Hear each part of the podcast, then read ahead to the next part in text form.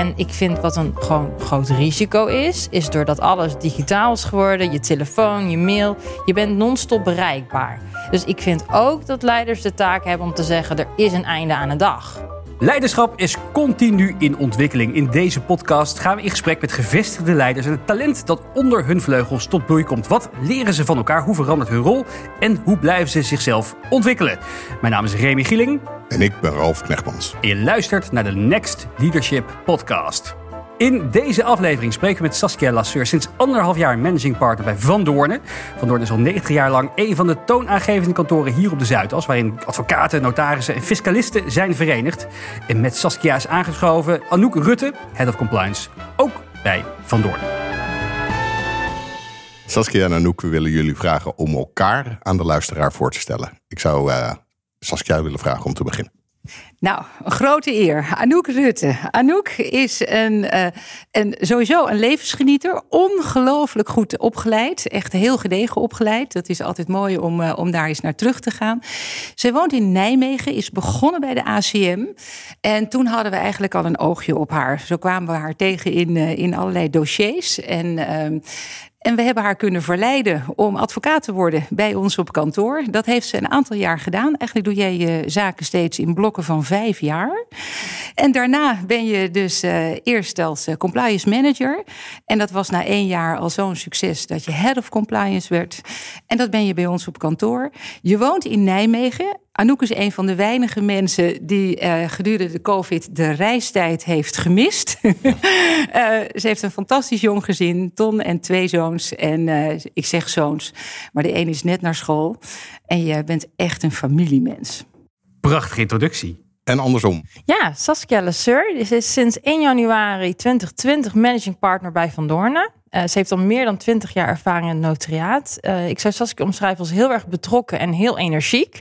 Ik verdenk er dus soms van dat ze meer uren in de dag heeft dan andere mensen met hoeveel zij doet. Ze is nou ook heel erg betrokken en dat zie je uit allerlei nevenfuncties die ze heeft. Bijvoorbeeld meer muziek in de klas, maar ook van, van de Ende Foundation, maar ook Nederlands Kamerkoor. Saskia is ook een ontzettend familiemens. Ze vindt familie ook heel erg belangrijk. En verder wat ik echt een goede omschrijving ook van Saskia vind, is dat dat ze een vakvrouw met veel charme is. Anouk, hoe zag jullie eerste ontmoeting eruit? Weet je dat nog? Oeh, dat vind ik een beetje een lastige. Ik weet niet meer exact de eerste ontmoeting. Maar wat ik wel heel erg weet is... Um, ik begon natuurlijk bij Van Doornen in de advocatuur. En op een gegeven moment, na een tijdje, was ik een beetje aan het worstelen van wat is nu de vervolgstap. En ik wist wel dat ik een vervolgstap wilde maken. En is dat dan partnerschap? Of is dat dan uh, misschien een andere functie? Of, of zelfs buiten Van Doorn. Maar ik wist wel dat ik me heel erg thuis voelde bij Van Doornen. En ik weet dat ik dus met HR daar ook gesprek over had. En ik was eigenlijk op zoek naar een mentor. En ik vond Saskia daar al een hele leuk persoon voor om als mentor te zijn. Omdat ik gewoon wel al aan haar merkte. Ze is gewoon heel charismatisch, verbindend. Gewoon hoe zij erin staat als, als leider uh, vond ik al heel erg leuk om van te leren. Alleen het kwam er niet echt van, omdat Saskia's agenda toen al zo druk was dat ik dacht: ik, ik vraag dat niet, ik, uh, ik kijk wel. En heel toevallig, uh, nou ja, toen ik dus gevraagd werd voor die functie voor Head of Compliance, uiteindelijk hoe dat gegroeid is, toen werd Saskia dus managing partner. En ik vind het dus heel erg leuk. Dus eigenlijk, ik heb het eerder niet durven te vragen om geen beslag op haar te doen. Het is eigenlijk zo gegroeid. En, en dat vind ik gewoon een hele leuke bijkomstigheid en ontwikkeling van het feit dat Saskia dus managing partner werd. En toch, eh, wat mij dan bezighoudt, Saskia, met betrekking tot jou, is in een tijd dat lifetime time employment eigenlijk niet meer bestaat, zit jij al sinds 1993 bij dat kantoor. Wat heeft jou al die tijd, het is een oprechte Ja, vraag, wat ja, heeft jou al ja. die tijd geboeid om bij diezelfde werkgever te blijven? Ja, Want je hebt makkelijk naar buiten gekund met jouw profiel en de exposure die je gehad hebt. En dan zal ik maar eerlijk zijn, Ralf, want dat heb ik ook gedaan. ik ben er drie jaar uit geweest. Ja, oké. Door de aard van het werk, door de mensen die er zijn, is het elke dag boeiend. En gisteren, Ralf, werkte ik 30 jaar. Hier, hier. Dus 15 juli 1991. En ja, je verveelt je geen moment. Maar dat komt door type cliënten, door de, de zaken die er gebeuren. Eh, waar sluit je je bij aan? Hoe breng je het weer samen? Door nevenfuncties, door mensen die er werken, zoals Komt het Anouk. ook door je nieuwe rol? Ja, en dan ga je verder. Ja. Zo ja. meteen nog even over jullie rol onderling. Maar wat, wat ik wel benieuwd naar ben is... je werkt al zo lang hier. Of van mij zit Van Doorn al heel lang op de Zuidas, toch? Ja, Ja. eerst op de Laressenstraat Ja, en, eh, en daarna naar, eh, sinds 2003 hier, eh, hier op de... Wij staan dwars op de Zuidas. Hè? Is Ja. altijd goed om dat even, even Ja. te benoemen. ja? Typerend voor de cultuur. Hoe is dat veranderd in de loop der jaren? Want je kent natuurlijk Ja, de oude dus- verhalen ja. van de keiharde wereld hier. Ja, nee, maar dat is mooi.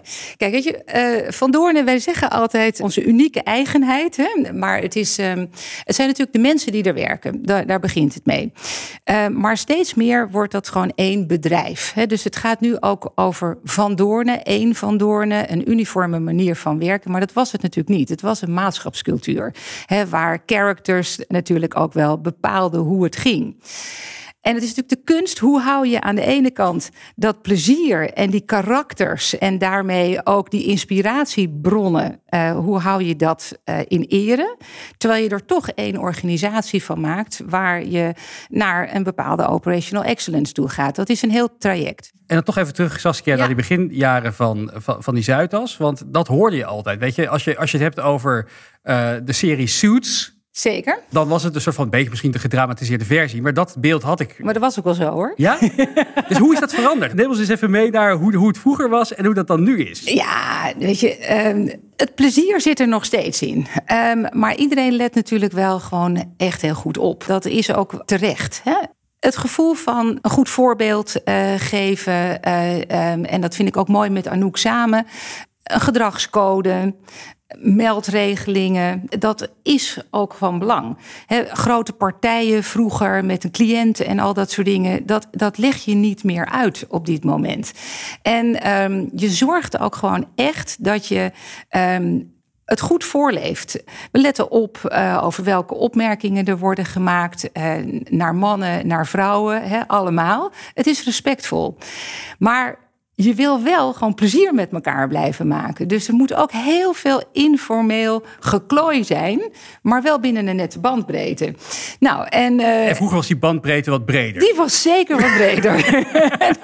en er zullen ook wel mensen zijn die zeggen met een beetje heimwee en een glimlach naar vroeger eh, dat dat er ook was. Maar nog steeds kan er hard gelachen worden binnen de bandbreedte. Hè? 's middags om vier uur moet er iets kapot, moet er even iemand eh, even een beetje uit de worden ontwricht. Eh, en dat is nodig. Waarom? Omdat mensen zichzelf vooral niet al te serieus moeten nemen.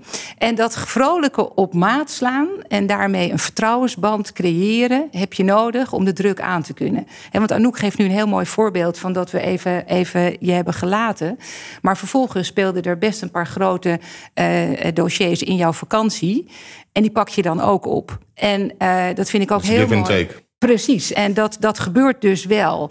En dat doe je ook omdat je weet, deze mensen die vertrouw ik, daar heb ik plezier mee. Als ik het zelf nodig heb, geven ze me ruimte.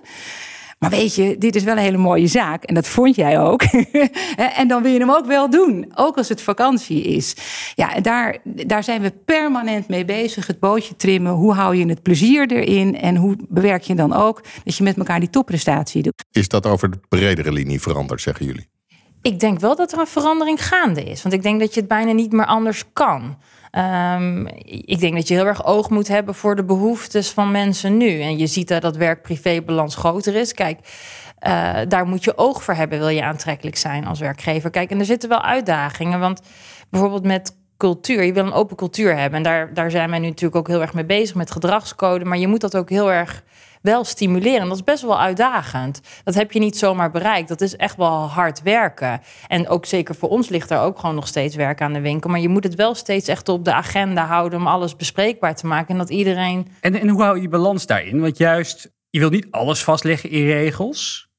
Want dan, dan sla je de hele cultuur dood misschien wel. Dus hoe zorg je ervoor dat dat wel duidelijk is voor iedereen waar een beetje die grens ligt? Nou, wat ik, wat ik heel erg belangrijk vind, is met name de dialoog. Dus wat wij gedaan hebben, is een gedragscode. En daar hebben we acht principes. En wat wij. Wat voor principes zijn het dan? Het- zijn verschillende principes van eh we hebben belangenverstrengeling, we houden informatie veilig, we hebben respect voor elkaar. Het zijn gewoon een Oh ja. acht hoofdprincipes. eh, hoe je met elkaar omgaat, hoe je met cliënten omgaat, gewo- hoe je met de, met de omgeving omgaat. Ehm, en dat, is, dat hebben we teruggebracht tot acht principes. En onder die acht principes hangen wij nadere beleidsregels. Maar wat wat, we daar met name belangrijk vinden, is dat we bijvoorbeeld met dilemma's werken. Dus dat we, we hebben in de coronatijd, en dat vind ik ook een heel mooi initiatief, waar, waar Saskia zeker een, uh, een grote motor achter is, om met mensen in contact te blijven. Hebben we een nieuwsbulletin te blijven communiceren met iedereen, zodat iedereen op de hoogte is, ook al zijn ze op afstand.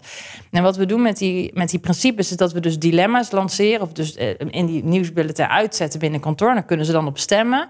En dat we het daarna terugkoppelen, zodat we het gewoon concreet maken. En dat we ook echt nadenken over concrete voorbeelden. Heb je bijvoorbeeld van zo'n dilemma? Ik vind het wel leuk. Ja, bijvoorbeeld uh, inderdaad, je krijgt een ongepaste opmerking naar je hoofd. Ja. Wat, wat doe je Goed daarmee? dat je meteen er eentje neemt die leuk is om naar te luisteren. Ja. is dan, is dat, zijn het dan open vragen of kunnen mensen gewoon Je moet stemmen. We hebben Stemmen. A, B, C, Oh ja, eh, ja. D.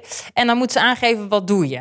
En wat je natuurlijk uiteindelijk, want we doen dan de ene week doen we de stelling en de andere week dan de terugkoppeling. En dan geven we dus ook een percentage van wat heeft iemand geantwoord. En wat je, Anoniem. Eh, anoniem, ja. Ja. absoluut. Nee, Ja. absoluut anoniem. Maar daar is wel een belangrijk signaal, eh, gaat daarvan uit. Want mensen geven aan, ik zeg er wat van of ik zeg er niks van. Want En- het moet nog worden beoordeeld door diegene. En zo, we Precies. maken het een beetje spannend. Hè? Precies.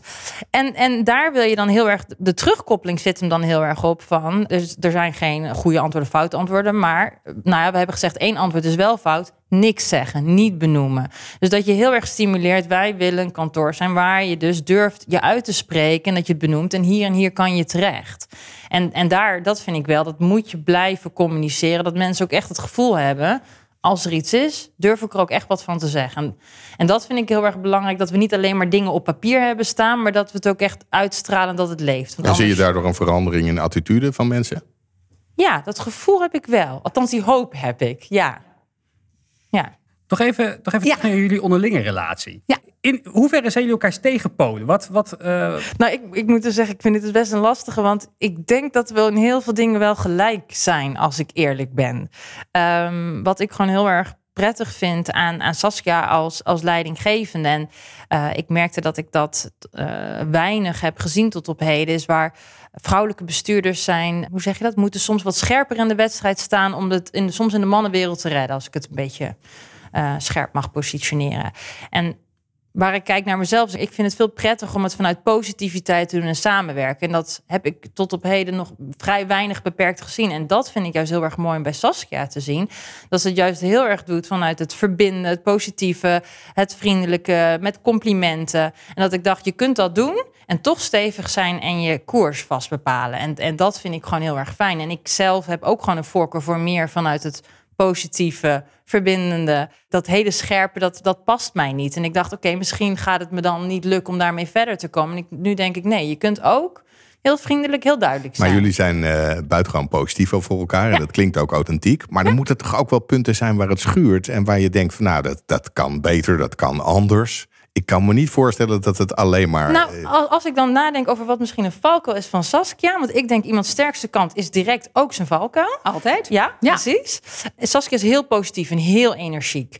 En dat is denk ik soms voor sommige mensen wel wat veel, dat ze aangehaakt moeten proberen tegen, het te blijven. vermoe- tegen het vermoeiende aan. Nou ja, om, om, ja, Saskia is heel energiek en heeft een heel duidelijk beeld. Maar En het daar houdt moet nooit je- op. Nou ja, en je moet oppassen dat je daarmee mensen niet soms verliest. Eh, want daar, daar zit denk ik dan En gewoon... kan je dat dan ook tegen haar zeggen? Ehm, ja, dat denk ik eigenlijk wel. Kijk, ik, ik moet eerlijk toegeven, ik heb er zelf gewoon wat minder last van, omdat ik heel erg zelf ook in dat energieke en enthousiasme zit. En ik voel ruimte. Ik voel heel erg ruimte. Dus als ik zie dat Saskia gewoon energie- eh, enthousiast is over iets en het is een heel een breed plan. Eh, dan laat ik me daar soms gewoon wat minder door afleiden. En denk ik, ik zie daar juist heel veel aanknopingspunten voor mij om mijn eigen plan te trekken. maar het klinkt heel positief. Wat voor type mensen hebben hier misschien wat meer moeite mee dan? Nou, weet je wat dan mooi is? Je hebt altijd mensen die meestribbelen. Hè? Dat is een mooi woord. Dat, eh, dat heb ik ergens opgepikt. En dat is die ogenschijnlijk allemaal met je meegaan, maar eigenlijk helemaal die verandering niet willen. Hè? En, eh, ja, en en weet je, Ja, we en- herkennen ze allemaal. Allemaal, precies. en, en, en die worden natuurlijk gek van mij, want ik hou niet op. En elke keer verzinnen we weer waarom het een goed idee is en al dat soort dingen. Nou, en dat gecombineerd met waar ik heel erg van hou, is mensen, daar begon ik daar ook mee.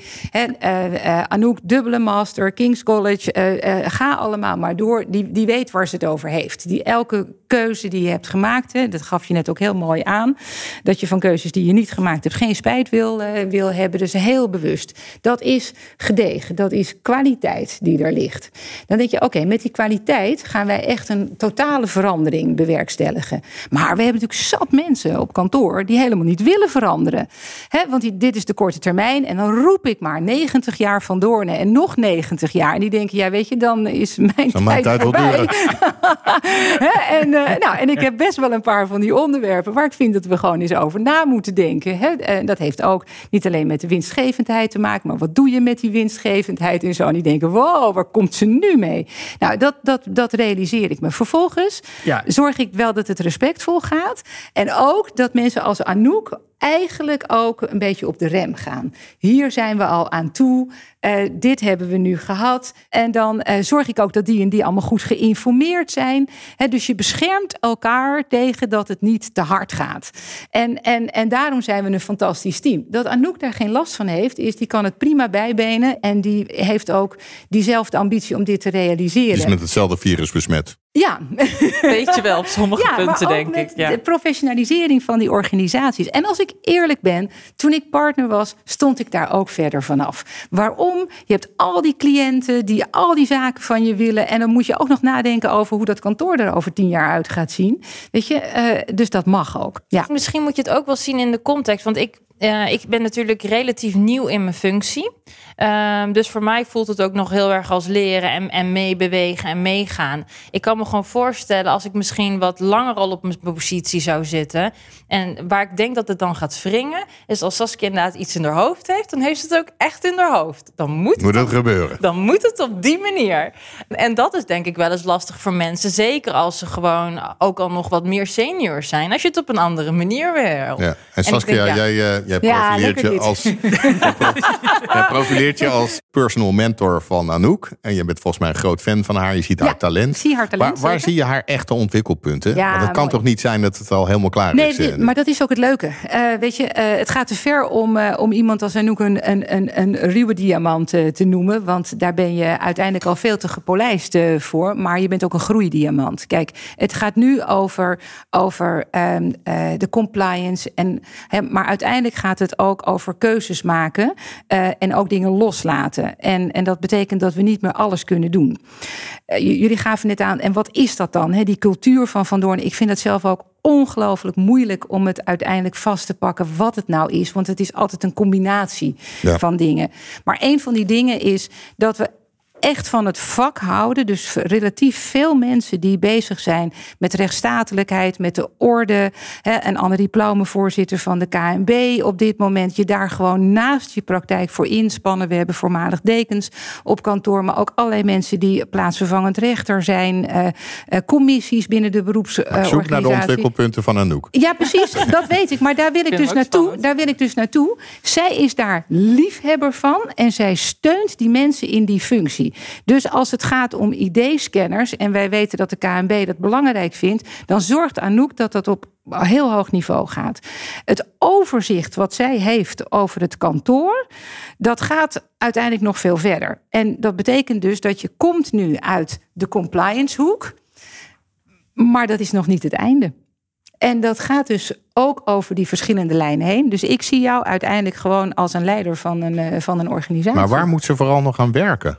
Aan de beleidsmatige inbedding hiervan. Je komt nu vanuit het domein, vanuit awareness en implementatie en uitvoering van het hele compliance beleid. En uh, je kan nog groeien om zeg maar overstijgend beleid te maken en daar alle mensen in, in mee te nemen. He, dus dus ja. daar zit echt jouw potentieel. Maar en ik denk als ik mag aanhaken waar inderdaad mijn valkuil zit, is ik, ik mag misschien nog wel soms een stukje opschuiven. Ik, uh, in welke zin? In de zin van dat ik heel graag uh, alles heel goed doe, een controle hou. Ja. Uh, dus ik met zo'n project als ID-scanner zit ik tot op de detail erin dat, dat, dat moet ik op een gegeven moment gaan loslaten. En uh, ik zit nu nog een beetje tussen de wisseling. Soms dat ik echt de, nou ja, dus met alle details me bemoei. Tot toch naar dat hoger niveau. Ik doe nu een beetje beide. En ik merk nu, we hebben dus nu bijvoorbeeld ook een leiderschapstraining gedaan met, met alle managers en, en, en met Janine als, um, als bestuurder. En daar is het ook heel erg dus je team meer in zijn kracht zetten. En dat vind ik nu ontzettend leuk om te zien eh, hoe goed mijn team het doet. En dat ik het dus aan hun kan overgaan laten. En waar kan je dan werken aan de persoonlijkheidskant? Want Fijke Siebesma zei ooit tegen mij in een interview... in de eerste fase van je carrière gaat het om, om die diploma's. Hè? Want anders kom je er Ja, überhaupt nee. niet in op zo'n Zuidas. Nee. En jij bent double graduate. Ja. Maar eigenlijk moet je, als je als leider wil ontwikkelen... in die eerste fase al werken aan de dingen... die voor de tweede fase Ja. van je carrière eh, relevant zijn. Namelijk je drijfveren en je persoonskenmerken. Ja. Waar kan je dan, en dat is een vraag dan eigenlijk aan jullie allebei... Mooi, ja. waar kan je dan nog slagen maken? Want die com de competentiekant zit wel goed bij jou als ik dat zo Ja. beluister. Ja, Ja. Yes, ik kijk naar mijn team. Ik denk, ik vind het team is heel erg 1 plus 1 is 3. Dus je moet met name je team heel erg in zijn kracht zetten en het samenwerken. En ik denk dat ik met name dus als leidinggevende nog heel erg kan groeien, is ehm, nog meer de potentie van mijn team centraal stellen. En ik merk, ik probeer daar dus nu al slagen te maken. Eh, dat het veel minder draait om wat ik doe of wat ik heb bereikt, maar veel meer wat we gezamenlijk als team aan het doen zijn. Maar en wat me wel lastig daarin lijkt, Ja. is je hebt eh, zelf een hele verantwoordelijke functie, veel Ja. te doen. Thuissituatie ook nog. Ja, En dan moet je ook nog al die mensen die in je team Ja. zitten motiveren Ja. en een beetje tevreden houden en luisteren hoe het gaat. Het lijkt me best wel lastig om het allemaal met elkaar te combineren. Dus hoe, hoe Ja, maar wat ik dus dat? gemerkt heb, is omdat er eigenlijk zoveel bij mij ligt. En, je, en ik bedoel, ik geloof dat heel veel mensen heel veel dingen kunnen als je ze de kans geeft en het vertrouwen en de autonomie. En ik merk dat ik nu in een switch zit met mijn team, waar ik eerst zelf nog heel erg hard alles aan het doen was. En daarmee eh, mijn team soms ook wat minder ruimte gaf. En juist nu dat ik gewoon eh, meer me focus op het managen van het team, zie ik gewoon dat ze dat verschrikkelijk goed doen. Ze, dat ik juist tijd overhoud, omdat ik een project gewoon echt hartstikke goed bij hun kan beleggen. En ze vinden het ook onwijs leuk om te doen. Dus ook zij krijgen daardoor meer plezier in hun werk. Eh, Hebben jullie het daar samen over? Ja. Hoe ziet jullie rol erin eruit? Heb je, bellen jullie vaak samen? Of eh, appen jullie wel eens? Of eh, mailen jullie? Zeker. Kijk, FaceTimen? zitten elke, kijk, weet je, elke week hebben we even, even gewoon een overzicht over lopende compliance zaken. Maar altijd benutten we dat om wat verder te kijken. Nou, waar, waar hier voor Anouk is, is die is nu goed bezig in het loslaten van een hele hoop. Daarmee moet je dus andere schrijfstijlen ehm, ja, ruimte geven. En zelf zorgen dat je de essentie altijd goed kunt controleren. En, en weet dat het goed gaat. Maar dat gaat niet altijd meer op jouw manier. Het gaat ook misschien op een andere manier. Maar die essentie is goed. Dus die kwaliteitstoets. Vervolgens hebben wij samen gesprekken over. En waar hebben we nou wet en regelgeving waarvan we zeggen uh, we toetsen of we de zaak kunnen doen. En nou komt die, willen we de zaken ook doen? Past dat binnen uiteindelijk de hogere ambitie die we hebben met dit kantoor? Dat is een hele moeilijke. Daar heb je tijd voor nodig. Dan moet je dingen loslaten. Je moet ruimte hebben om aan die notities toe te komen. Nou, daar maken wij samen dan ook een planning voor. En dat doe je dan ook samen met de andere managers. Want daar heb je financiële gegevens voor nodig. Daar heb je de all-over lijn met alle andere managers en, uh, en praktijkeenheden binnen kantoor nodig. Maar uiteindelijk zorgen we nu dat het debat daarover gaat. Dat we dat elke week samen terugkoppelen. En dat we de ruimte creëren om in die laatste anderhalf jaar die we hebben, uiteindelijk een beleid te hebben over wat is het type zaak, het type cliënt waar wij voor willen werken. En die lijn, daar moet je nu ruimte Hè, voor krijgen, nemen, naar voren stappen. Je hebt zoveel gehoord uit die risicommittee, hoe de partners erin zitten, hoe wij erin zitten. Ja, en ja, ik hoop dat dat, dat, dat gaat lukken. En jij gaat daar ja, ook, ook met andere mensen uh, nu invulling aan geven. Dat is echt een hoger strategisch niveau. Ik wil graag naar het onderwerp van, uh, van leiderschap. Kijk aan. Ik ben benieuwd wat jouw definitie van leiderschap is, Saskia. Ja. Waar, waar draait het om en waar gaat het in essentie om, uh, wat jou betreft? Ja, ja, uiteindelijk gaat het er natuurlijk om dat je talenten blootlegt en dat je die faciliteert en stimuleert en ook beheerst. Dat maakt dat is altijd zo in een, in een, in een professionalsorganisatie dat je plezier en respect moet hebben voor het talent wat daarin zit. Want daar komen je cliënten ook voor. Die komen voor die uiteindelijke totale toegevoegde waarde van iemand die in empathie aanvoelt, in kwaliteit aanvoelt. Dit is wat we nodig hebben om naar dat advies toe te gaan. Dat betekent dat je dus bereid moet zijn en het ook leuk moet vinden om dat talent te herkennen. Dat heb ik altijd al met mijn cliënten gedaan. Zij schitteren en wij faciliteren ze. En dat doen we nu ook in de groep. Dus ik ben niet voor een, voor een top-down benadering. Ik ben wel voor het beheersbaar houden van dat talent in deze tijd. Nou, jij weet veel van, eh, van AI en alles. Het tempo waarmee veranderingen gaan is enorm. Dus je moet talent veel beter beschermen dan dat dat vroeger nodig was. Dus de, de, de basisstructuur waarvanuit je werk moet perfect op orde zijn. Maar het gaat om het talent van jonge mensen, van medioren en van senioren. Je wordt in een uh, recent artikel in het FD door je studievriendin uh, Carolien Gerels als dienend leider getypeerd. Is, Ja. Zit dat in dat faciliterende, dat de Ja, randvoorwaarden dat- creëren? Ja, dat zit, da- dat zit daar zeker in. Je moet het echt leuk vinden om eh, ook met die characters om te gaan. En uiteindelijk te weten dat zij dit doen omdat ze gedreven zijn en omdat ze goed zijn. Je wordt in datzelfde artikel ook onorthodox genoemd. Misschien Ja. wel voor Zuid als begrip. Herken je dat dan ook? Eh, ja, ik denk dat dat het stukje is wat aansluit bij dat ontzettend positieve, verbindende.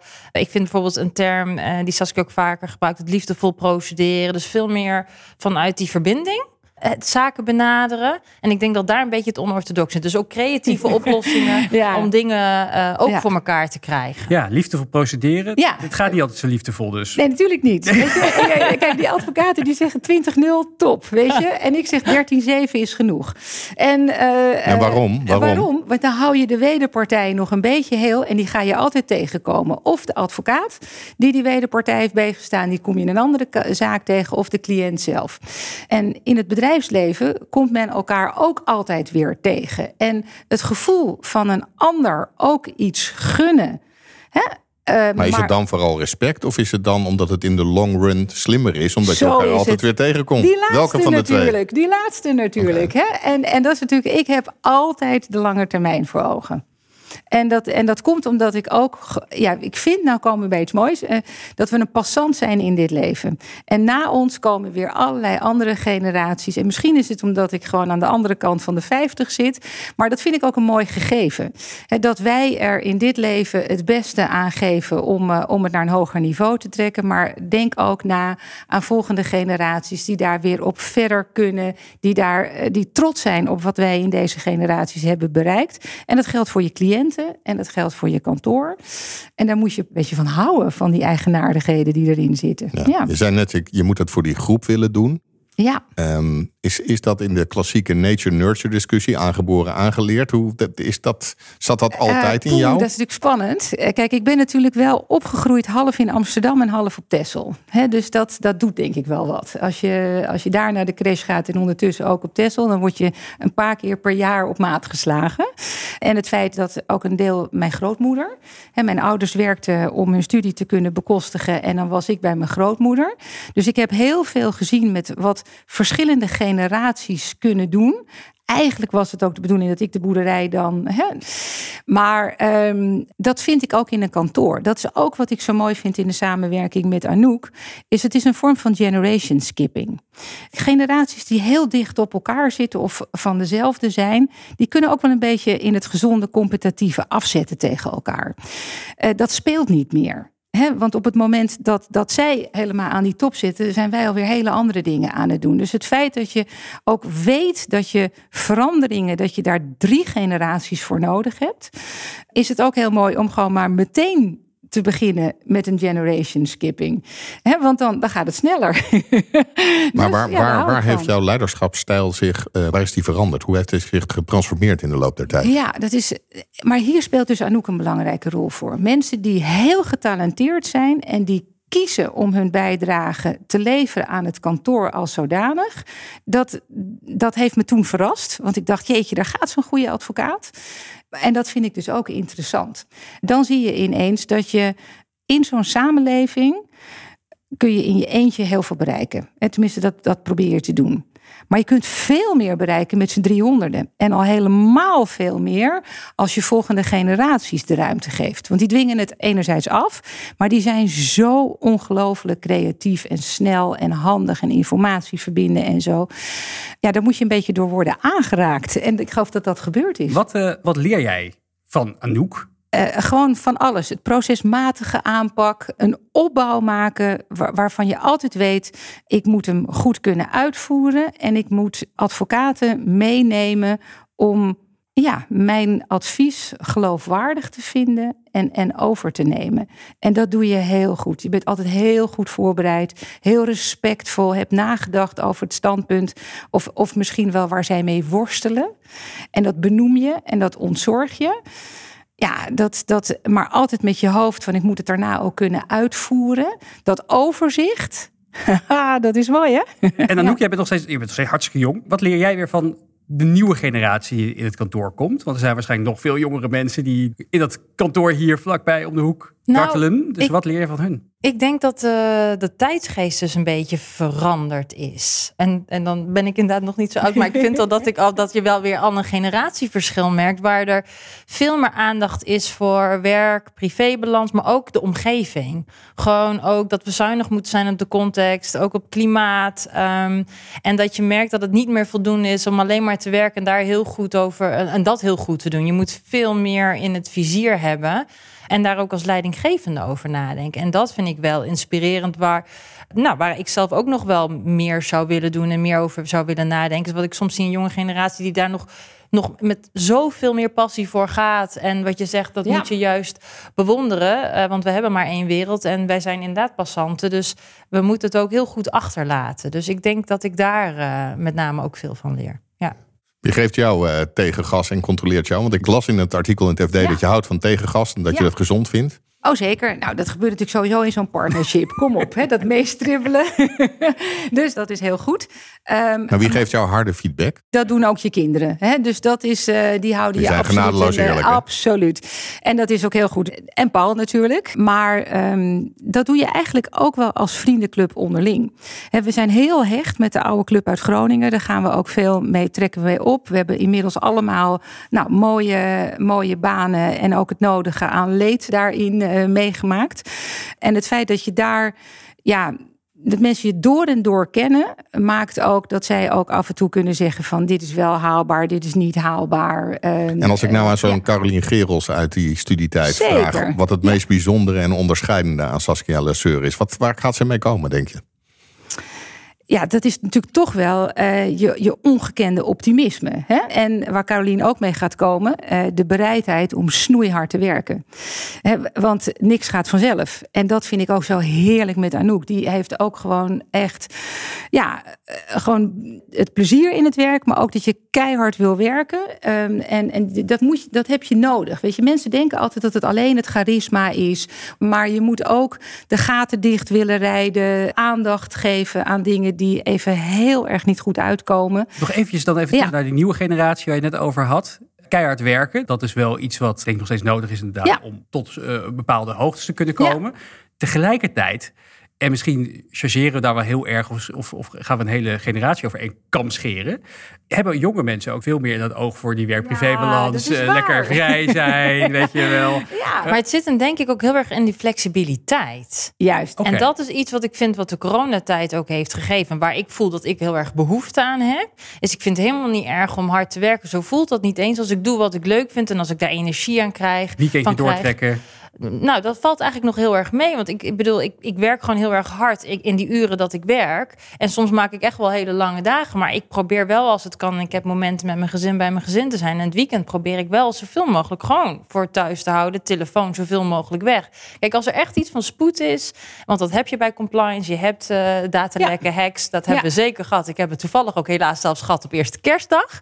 Ja, dat voorkom je niet. Maar dat vind ik niet erg als ik op het volgende moment zie. Er is thuis iets of ik wil er zijn. Of het is de eerste schooldag van mijn kind of ik wil hem ophalen.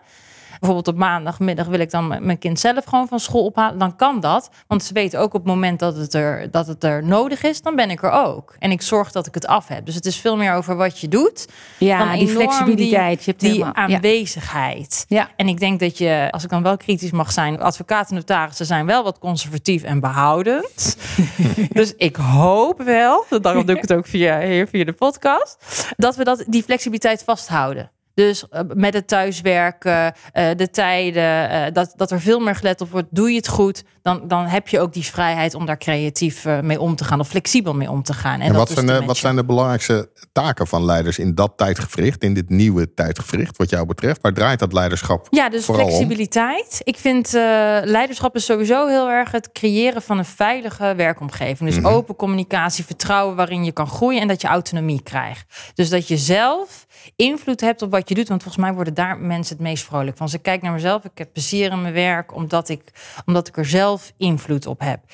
En ik vind wat een gewoon groot risico is, is doordat alles digitaal is geworden, je telefoon, je mail, je bent non-stop bereikbaar. Dus ik vind ook dat leiders de taak hebben om te zeggen, er is een einde aan de dag. Dat is best wel gevaarlijk, hè? omdat alles convergeert, dat het nooit precies. ophoudt. Ja, precies. Precies. Ja. En ik merk dat bijvoorbeeld nu, ik ga richting mijn vakantie. Vind ik best wel lastig. Ik heb al gezegd bij sommige meetings: nee, ik ga daar dus niet heen. Want ik wil echt heel graag even uitstaan. Kijk, als er iets met, met spoed of haast is, weet je wel, dan kom ik in de lucht. Uh, maar het is ook belangrijk dat je even uit kan staan.